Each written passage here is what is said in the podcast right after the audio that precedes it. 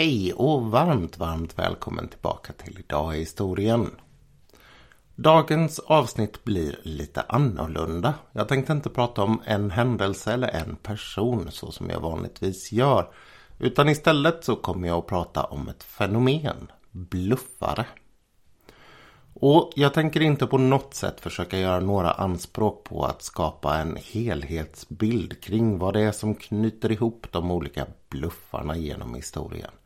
Nej, det här blir en högst personlig resa genom bluffare under 18 och 1900-tal och vad det är som gör en bluff, en riktigt bra bluff till just en sån.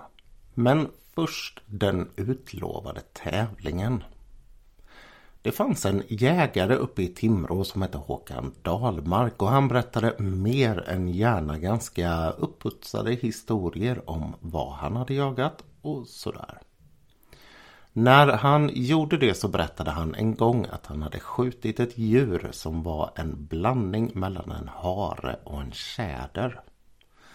Den här historien den fastnade och hans hushållerska hon gav senare honom en tavla på det här fantasidjuret. Och lite senare så blev det här djuret faktiskt tillverkad av en uppstoppare. En taxiodermist som det kallas. Vad heter det här djuret? Skicka rätt svar till min mailadress nils.nhjort.se Alltså en hjort precis som en och djuret hjort. Och den som först gör det, det första rätta svaret jag får in, det kommer att få en nål från Stockholmsutställningen 1930. En av mina favorithändelser i den svenska historien. Och innan vi kommer igång så vill jag passa på att slänga in en liten påminnelse också. Den som vill får hemskt gärna köpa min bok. Det är ett bra sätt att stödja podden också. Jag berättar efter dagens poddinslag om hur ni går tillväga för att köpa boken. Och om ni köper den från mig så kan ni få den med en författarhälsning också. Det är bra om man vill ge den i julklapp till någon. Och nu rakt in i lite bluffhistoria. Det kan behövas någonting som är roligt och lite mer upplyftande så här i den allra mörkaste tiden på året. Jag tänkte börja 1964 i Sverige med den kände franske målaren, eller snart kände franske målaren Pierre Brosseau. Med lite, ja, sådär, mitt franska uttal och allt det där. Pierre Brosseau, han dök upp i alla fall i en konstkatalog. Det var ett galleri som skulle ha utställning i Göteborg. Och där beskrevs den här målaren som en autodidakt, det vill säga självlärd fransk målare. När det var vernissage så kom det en hel del prominent folk på den här utställningen och man tittade väldigt intresserat på fransmannens målning. Det påstås att hans verk var de som drog mest ehm, uppmärksamhet även om det absolut inte var en egen utställning bara för honom. Oavsett vilket så blev hans verk omdiskuterade i tidningarna och det var minst två av dem som recenserade hans sätt att måla. I Göteborgs-Posten så skrev man att Pierre Brosseau han breder på med kraftigare tag. Men också med en klar beräkning. Man skulle vilja säga att hans penseldrag vrider sig med en vildsint kräsenhet på duken.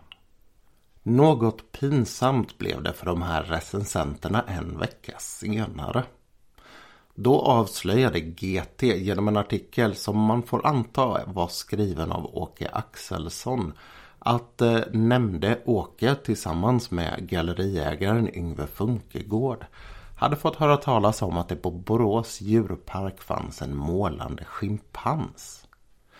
Den här schimpansen den var den fyra år gamle Peter och visst målade han fick de höra när de kontaktade djurparken.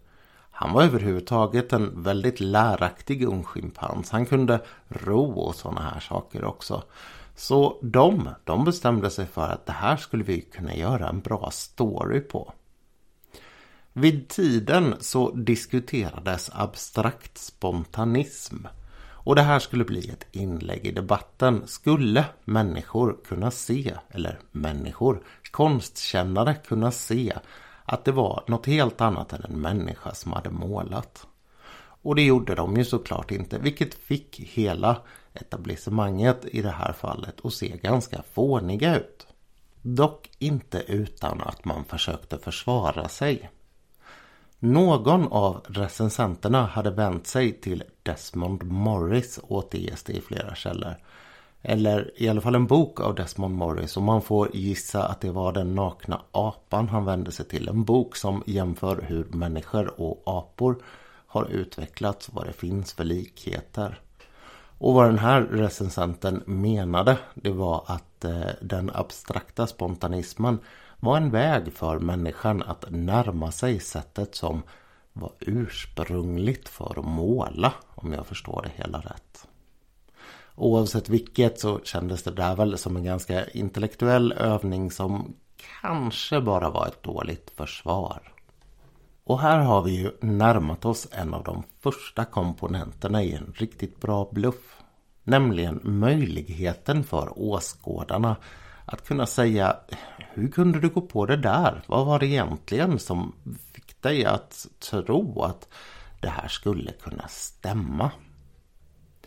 Även om de själva en vecka tidigare hade trott att det faktiskt fanns någon som hette Pierre Brousseau så kunde de ju i det här läget skratta åt konstkännarna som hade gått på det för de hade ju varit ännu mer upplysta och ännu mer kunniga eller borde ha varit det.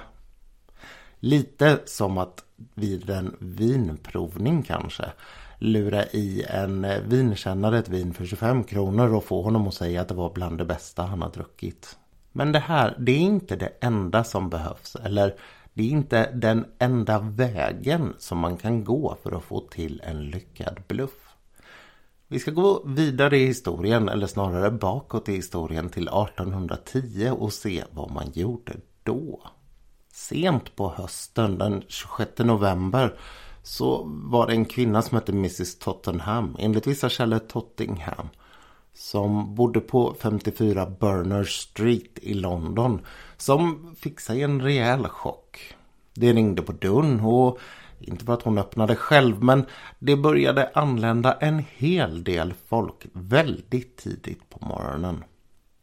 De här människorna var allihopa försäljare och det var försäljare av alla sorter. Det var folk som var där för att sälja glasögon och pianon och det var gud vet vad. Stora saker, små saker. Och det bara fortsatte och fortsatte och fortsatte. Timme ut och timme in. Och hon kunde inte förstå någonting. Man får gissa att Mrs Tottenham var nöjd med vardagen. Hon bodde på en ganska fin adress. Det var i närheten av Oxford Street. Huset finns inte kvar och gatan är väl inte riktigt samma dragning på längre. Men hon bodde grannar med lords och ladies och hon hade det som sagt gott ställt. Och det här var en del av bluffen. Genom att utnyttja det faktum att folk gärna ville sälja till rika personer och att man litade på att rika personer kunde betala för sig. Så hade någon kunnat skicka i princip halva stan till 54 Burner Street. Och det var som sagt inte bara mycket folk utan stora saker. Vagnslaster med saker till och med. Det blev en hel del ilska mellan de olika försäljarna. Och man tyckte ju att man slösade bort sin dag. Men det blev en hel del nöje och den här gatan den blev så packad att polisen till slut fick stänga av båda ändarna på den för att folk inte skulle kunna fylla på mer. Och mitt i alltihopa så kom Londons borgmästare dit därför att han hade blivit kallad av Mrs Tottenham. Det kan ju alltid diskuteras varför han dök upp och det har påståtts senare att det användes ett visst mått av, eh, ska vi säga, utpressning för att få honom att komma till den här adressen. Det antyddes i brevet han hade fått påstås det att man visste en del pikanta saker om honom. Och samma sak lär man ha gjort med en hel del andra personer från samma skikt i London för att få dem att komma till den här adressen. Kruxet här, det är att man inte vet riktigt vem det var som gjorde det och inte heller varför. Och att det man vet, det är sånt som har skrivits långt senare. Den allmänna uppfattningen är att skämtet genomfördes av en man som hette Theodore Hook. Han var ung, han var framgångsrik och han skrev små lustiga eh, skådespel får vi väl kalla det idag. Han gillade att göra olika typer av bluffer och han roades av att lura folk. Och han har senare i livet skrivit någon form av eh, halvbiografisk bok och i den så kommer det ett halverkännande att det var han som hade gjort det. Han utpekades två år efter det här, alltså 1812 och han, eh, ja, sa ju ingenting om det men han verkar ha gillat uppståndelsen kring hans namn. Och uppståndelsen, det var just det som folk gillade med den här bluffen. 1810 så var ju inflyttningen till städer i England ganska stor. Och det här, det på något sätt förstärkte bilden av staden, både som farlig men också resursstark. Så det här skämtet ligger helt och hållet i tiden och det är det som är den viktiga komponenten här. Någonstans på något sätt så måste ju faktiskt saker och ting kunna knyta an till vad det är folk är intresserade av för stunden. I fallet med Pierre Brosseau så hade det ju varit diskussionen kring den moderna konsten. Oavsett vilket så lär det ha tagit någonstans mellan 1000 och fyra tusen brev att få alla de här människorna att komma till den här adressen. Och enligt ett påstående från 1840-talet, alltså rejält långt efter att det här hade skett, så lär det ha varit så att Hook, alltså mannen som möjligen genomförde det här, gjorde det av en så enkel anledning och kanske så typiskt brittisk som ett vad. Det påstås att han hade gått ner för Burner Street och så hade han sagt att jag slår vad om att jag skulle kunna göra den där adressen till den mest omdiskuterade i hela London. Gud vet, men det är en jäkligt bra historia om det stämmer. Och på tal om bra historier, jag ska ta upp en sak som jag inte tycker är en bra bluff. Det finns nämligen någonting som binder ihop en ganska trist skara böcker. Vi kan ta och nämna tre här. Hitlers dagböcker, Flykten från Stalins läger och Angel at the Fence. Alla de här tre var böcker som tog upp saker som var väldigt knutna till någonting som hade varit ganska nyss och någonting som är stort i vår historia, nämligen andra världskriget och förintelsen. Flykten från Stalins läger är väl inte del av förintelsen men den del av andra världskriget. De här tre böckerna de blev i olika stadier avslöjade som bluffar.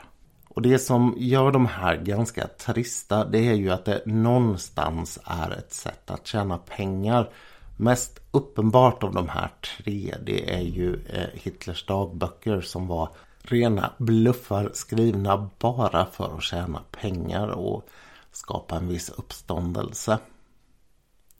De andra två de tycks ha vuxit fram ur ja, lite andra behov möjligtvis av uppmärksamhet och sådär men de fick fart på vägen. Angel at the Fence den kom ganska sent och stoppades vad jag förstår innan den kom ut. Men Flykten från Stalins läger den gavs ut på flera språk i flera olika länder. Och jag själv läste den innan den avslöjades som bluff. Ehm, kan jag säga att jag gick på den? Jag vet, det finns en del märkliga saker i den där boken. Han påstår bland annat att de ser en snöman. Och det gör ju att man funderar och när jag läste den så fanns det redan en diskussion om ifall den var sann eller inte. Nåväl, vi nöjer oss med att konstatera att beluffade böcker, det är inget roligt. Vi ska gå vidare istället i historien och landa i Londontrakten igen hundra år senare. Då var det en annan briljant ung man Horace de Vere Cole som gjorde en rejäl blåsning. För mitt under det brittiska imperiets kanske absolut största period så blåste han den engelska flottan. Det är viktigt att tänka sig vad britterna hade för självbild här och vad flottan spelade för roll i den här självbilden. England, de har ju alltid sett sig lite som den här ön som ligger lite utanför Europa. Och 1910 så hade det gått rejält bra för den här ön. De skulle några år senare ha makten över en fjärdedel av planetens människor och nästan lika mycket av dess yta ytterligare några år senare. Det där är alltid lite beroende på hur man räknar med dess olika underlydande områden. Men att säga att det var världens ledande nation vid den här tiden är absolut ingen överdrift. Och på samma sätt som Londonborna hade varit väldigt stolta över vad som kunde ske i deras stad 1810 med det här Burner Street Hoax. Så skulle man bli något stolta men samtidigt också något förskräckta över vad som hände i nästa bluff. Den här Horace de Vere Cole han kom från en fin familj. Och han hade skaffat sig, precis som Theodore Hook i den förra bluffen, ett gott rykte som en rejäl bluffare. Han möjligen blev kontaktad och ombedd att utföra den här bluffen. Men han hade i alla fall tidigare gjort en liknande sak. Och bluffen den gick ut på följande. Han såg till att en kompis till honom skickade ett brev där man påstod att den abessinska kungafamiljen ville hälsa på på HMS Dreadnought. Alltså det största skeppet som den engelska flottan hade vid den här tiden. Och precis som jag då sa, den lilla önationens kanske absoluta storhetssymbol. Det viktigaste skeppet i deras försvar. Att säga att alla som bodde på de brittiska öarna kände till Dreadnought vid den här tiden känns ganska enkelt. Vad Cole och hans vänner gjorde det var att de skickade ett meddelande att de skulle komma 4.20. Sen tog de tåget ut till Weymouth där Dreadnought låg och blev mottagna som, ja, kungligheter. De eh, har skickat brev sinsemellan efteråt och det finns ett brev som dök upp för några år sedan från Cole där han beskriver hur extremt roligt han fann det här. Och jag måste säga att jag förstår honom. Därför att det här är ju en bluff på allra bästa sätt. Han klär av någonting som är väldigt stort och får det att se fånigt ut och han gör det egentligen inte för någon särskild personlig vinning. Det är väl det som gör att det är trist med de som skriver bluffböcker och så vidare för att tjäna pengar. Cole och hans vänner de gick ombord på det här skeppet. Och de var sex stycken. Två av dem, Cole och en annan vän, de var klädda som britter och påstods komma från utrikesdepartementet och var med som någon form av ledsagare. De fyra andra det var de abessinska prinsarna och de var allihopa målade svarta i ansiktet och hade lösskägg. Det här är ju någonting som man inte riktigt längre får göra idag men på den tiden så var det inte helt ovanligt att man gjorde så inom teater. Och det var just en bekant till dem, en teatersminkare som hade gjort det här. De blev mottagna med orkester ombord och de eh, tackade nej till middagen de erbjöds efter att man hade tittat runt på den här båten. Det sades att de inte ville ha någon middag för att den var gjord på fel sätt enligt deras seder och bruk. Men vad det egentligen handlade om det var att man var livrädd att det här sminket skulle släppa. Det började också regna när de var ombord där och det var ren tur att de hann ta sig in under tak avslöjas i det här brevet. Och kanske roligast mitt i det här, det var att två av dem som var ombord där, de var syskon. Och deras kusin var kommendör på båten och fattade inte att det var hans kusiner han hade att göra med. Den ena av de här kusinerna, hon var dessutom kvinna och hon skulle gå vidare till att bli ordentligt känd senare i livet. Då gift och som Virginia Woolf. Och tänker man Virginia Woolf så tänker man ju också Bloomsbury-gruppen. Och en hel del av de här personerna var på olika sätt associerade till Bloomsbury-gruppen så det finns en överlappning här.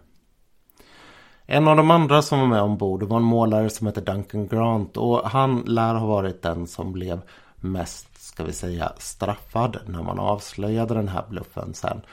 Han eller alla männen, det är lite oklart för det anges olika på olika ställen. De togs, eller möjligen bara han då, ut till Hampstead Heath och fick ett symboliskt spöstraff. Det är ja, lite oklart. Enligt vissa källor så var det bara han och inte helt symboliskt heller. Oavsett vilket så tycker jag att det här är fantastiskt roligt faktiskt. Det är ett underbart sätt att lura någon på. Det finns så mycket här som man kan tycka idag att det borde varit uppenbart för alla inblandade parter. Men nej. Och när vi ändå är på ämnet med bluffande militärer så går det ju inte att låta bli att nämna Köpenikiaden. Det kanske mest fantastiska bluffen, den mest fantastiska bluffen i tysk historia åtminstone. Det i sin tur förtjänar en egen podd så jag ska bara kort ta upp vad det gäller här. Men det är alltså en man som går och köper en uniform och sen tar på sig den och på olika sätt utnyttjar den här idén som finns i Tyskland om att man ska lyda överordnade och inte ifrågasätta. Och på så vis lyckas ta sig in i staden Köpeniks eh, ja, bankvalv eller vad man ska säga och begära ut alla pengar och gå därifrån med dem. En fantastisk historia och en historia som har levt kvar väldigt länge i Berlin. Och det här är ju en bluff som fick sitt genomslag i just den här uppfattningen om tyskar som fyrkantiga och laglydiga eller lydande auktoritet på ett sätt som lär ha roat till och med kejsaren i landet. Det sägs att det var därför som han eh, inte ville att den här mannen skulle straffas efteråt. Vi ska hoppa rejält långt framåt i tiden istället från Köpenikiaden och till 1994 och den första riktigt stora internetbluffen. Då började det snurra runt en nyhet som påstås komma från AP, alltså Associated Press. I den här nyheten så står det att Microsoft har köpt katolska kyrkan. Och här är det ju om man bryter ner det hela en aning väldigt många saker som samverkar. Allihopa med utgångspunkt att det nya ställs mot det gamla. Det digitala ställs mot det religiösa. Det moderna och framtiden ställs mot någonting som går ända tillbaka till Jesu födelse. Och att det ena har haft fräckheten och har köpt det andra, det tycks ha upprört många. För trots att det här var en nyhet som alltså bara snurrade runt som jag förstår det från mailbox till mailbox och på olika sådana här internetforum så gick folk på det. Och de gick på det så till den milda grad att Microsoft i mitten av december fick gå ut och säga det här stämmer inte. Vi har inte köpt katolska kyrkan. Låt det där sjunka in en stund. Microsoft har inte köpt katolska kyrkan. Behovet av att gå ut med en sån dementi är ju faktiskt helt fantastiskt rolig. Och jag måste faktiskt säga att jag har svårt att tänka mig att man inte roades av det här på Microsoft. Folk började alltså ringa och ifrågasätta hur det här kunde ske. Andra de ringde upp och så klagade de på att det var otroligt hur någonting sånt som katolska kyrkan hade låtit sig säljas till det här moderna företaget. Jag roas mycket av den här bluffen måste jag säga. Och dessutom sättet den är skriven på. Den finns i sin helhet om ni söker på den på nätet. Och det är alltså på sitt sätt olika jämförelser som görs mellan katolska kyrkan och Microsoft. Hur katolska kyrkan genom historien på olika sätt och vis har tvingat människor att uppgradera, ibland mot sin vilja, till kristendomen. Dessutom så tar man upp i det här att Bill Gates själv säger att religion det är ett område med stor tillväxtpotential. Och ja, den som har skrivit det här, en briljant skämtare. Nyheten följdes lite senare upp av att eh, IBM hade köpt den episkopala kyrkan. Men den fick inte riktigt lika stort genomslag. Och för er som är lite yngre lyssnare så vill jag bara säga det att IBM det var från början ett väldigt stort företag som tillverkade eller började tillverka datorer. Och det som idag kallas för en PC det var på den tiden någonting som kallades ofta för en IBM-kompatibel dator. Idag har ju det där företaget blivit lika bortglömt som så många andra stora från den där tiden. Vi ska istället be oss tillbaka till London och en sista brittisk bluff. Det finns ju en hel del bra bluffar från det landet och det beror väl till väldigt stor del på att för det första engelsk humor är ganska lik vår och för det andra att England väldigt tidigt blev ett samhälle som var väldigt modernt. Ett väldigt bra exempel på det är ett som eh, togs upp på eh, när jag lyssnade på en kurs i europeisk historia från Berkeley tror jag det var. Ehm, det är ju en av de fina grejerna med iTunes University att man kan lyssna på kurser från alla möjliga olika universitet. Nåväl, ehm, det jag skulle säga var att det man tog upp där det var att britter de har inga folkdräkter. Det är ju någonting som finns runt om i Europa överallt annars. Och anledningen till att britter inte har folkdräkter det är tydligen att de väldigt tidigt hade en monetariserad ekonomi. Det vill säga att gifte man sig som ung kvinna i England på 1700 och 1800-tal så gick man och köpte en klänning. Man hade inte någon sån här gammal farmor som satt och sydde den enligt traditionella mönster. Just en sån där liten bit historisk kunskap som jag kan tycka är jätteintressant. Nåväl, det här skulle handla om bluffar och vi ska till en tv-bluff. En av de absolut bästa. Den här bluffen den kom den 1 april 1957 och det här är en tid när 44% av britterna, alltså av hemmen, redan har tv-apparater. Sist ut i samtidsmagasinet Panorama var den kvällen nyheten om den schweiziska spagettiskörden. Man berättade att den våren 1957 beräknades bli bättre än någonsin tidigare. Även om Schweiz som spagettiodlande land var mindre än Italien så skulle det bli ordentligt. Det här var beroende av att det hade varit en varm och vild, mild vinter. Vild vet jag inte. Ehm, och dessutom så hade skadedjuret spagettiviven lyst med sin frånvaro. Att allting berättas till bilder av kvinnor som går och plockar ner spagettibitar ur träd och sen stryker ut dem med händerna på dukar där de ska ligga och torka. Ser ju ganska roligt ut med vår tids ögon. Men det gäller att komma ihåg att även om 1957 var ganska nyss så var det en tid långt, långt innan vi hade börjat med de här mer globala mattraditionerna. Nej, det var snarare så att 1957 så de britter som åt spaghetti de åt det i konservburk där det redan var blandat med tomatsås. Trots det kan man ju tycka att de borde veta var det kom ifrån eller hur det var tillverkat.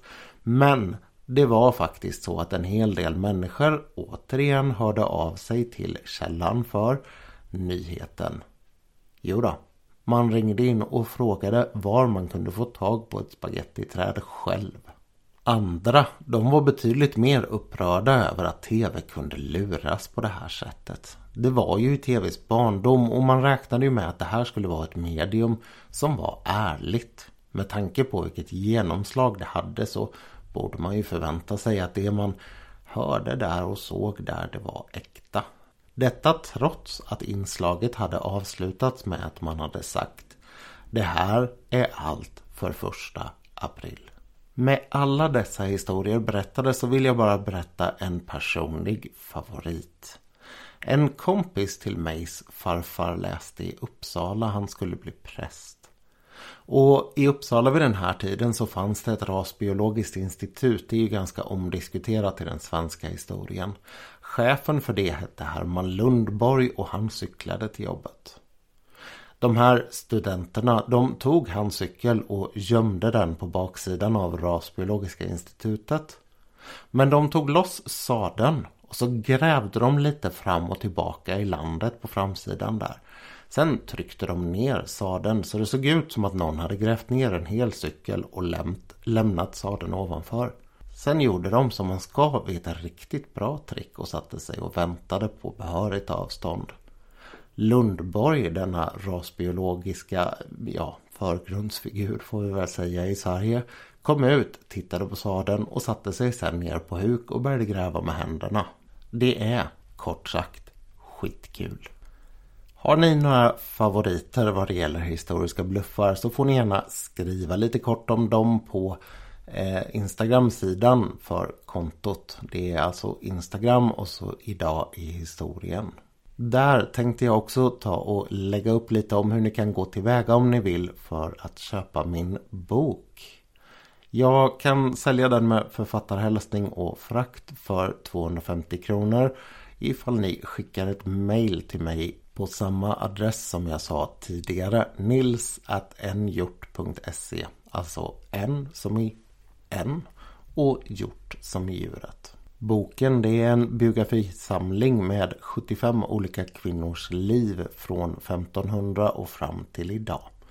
Där jag har skrivit en kort genomgång av kvinnornas liv en sida och på motstående sida så finns det en bild av Maria Persson. Ehm, det är hon som är känd som Dagens Dam på Instagram. Jag kommer lägga upp lite bilder från boken där så ni ser hur det här ser ut. Men titta också om ni har Instagram på Dramatiska Damer där boken har sitt eget konto. Med allt det här sagt så vet ni att jag med de här orden kommer att avsluta och jag gör det med hopp om att det gav lite glädje i vintermörkret. Allt gott, hej hej!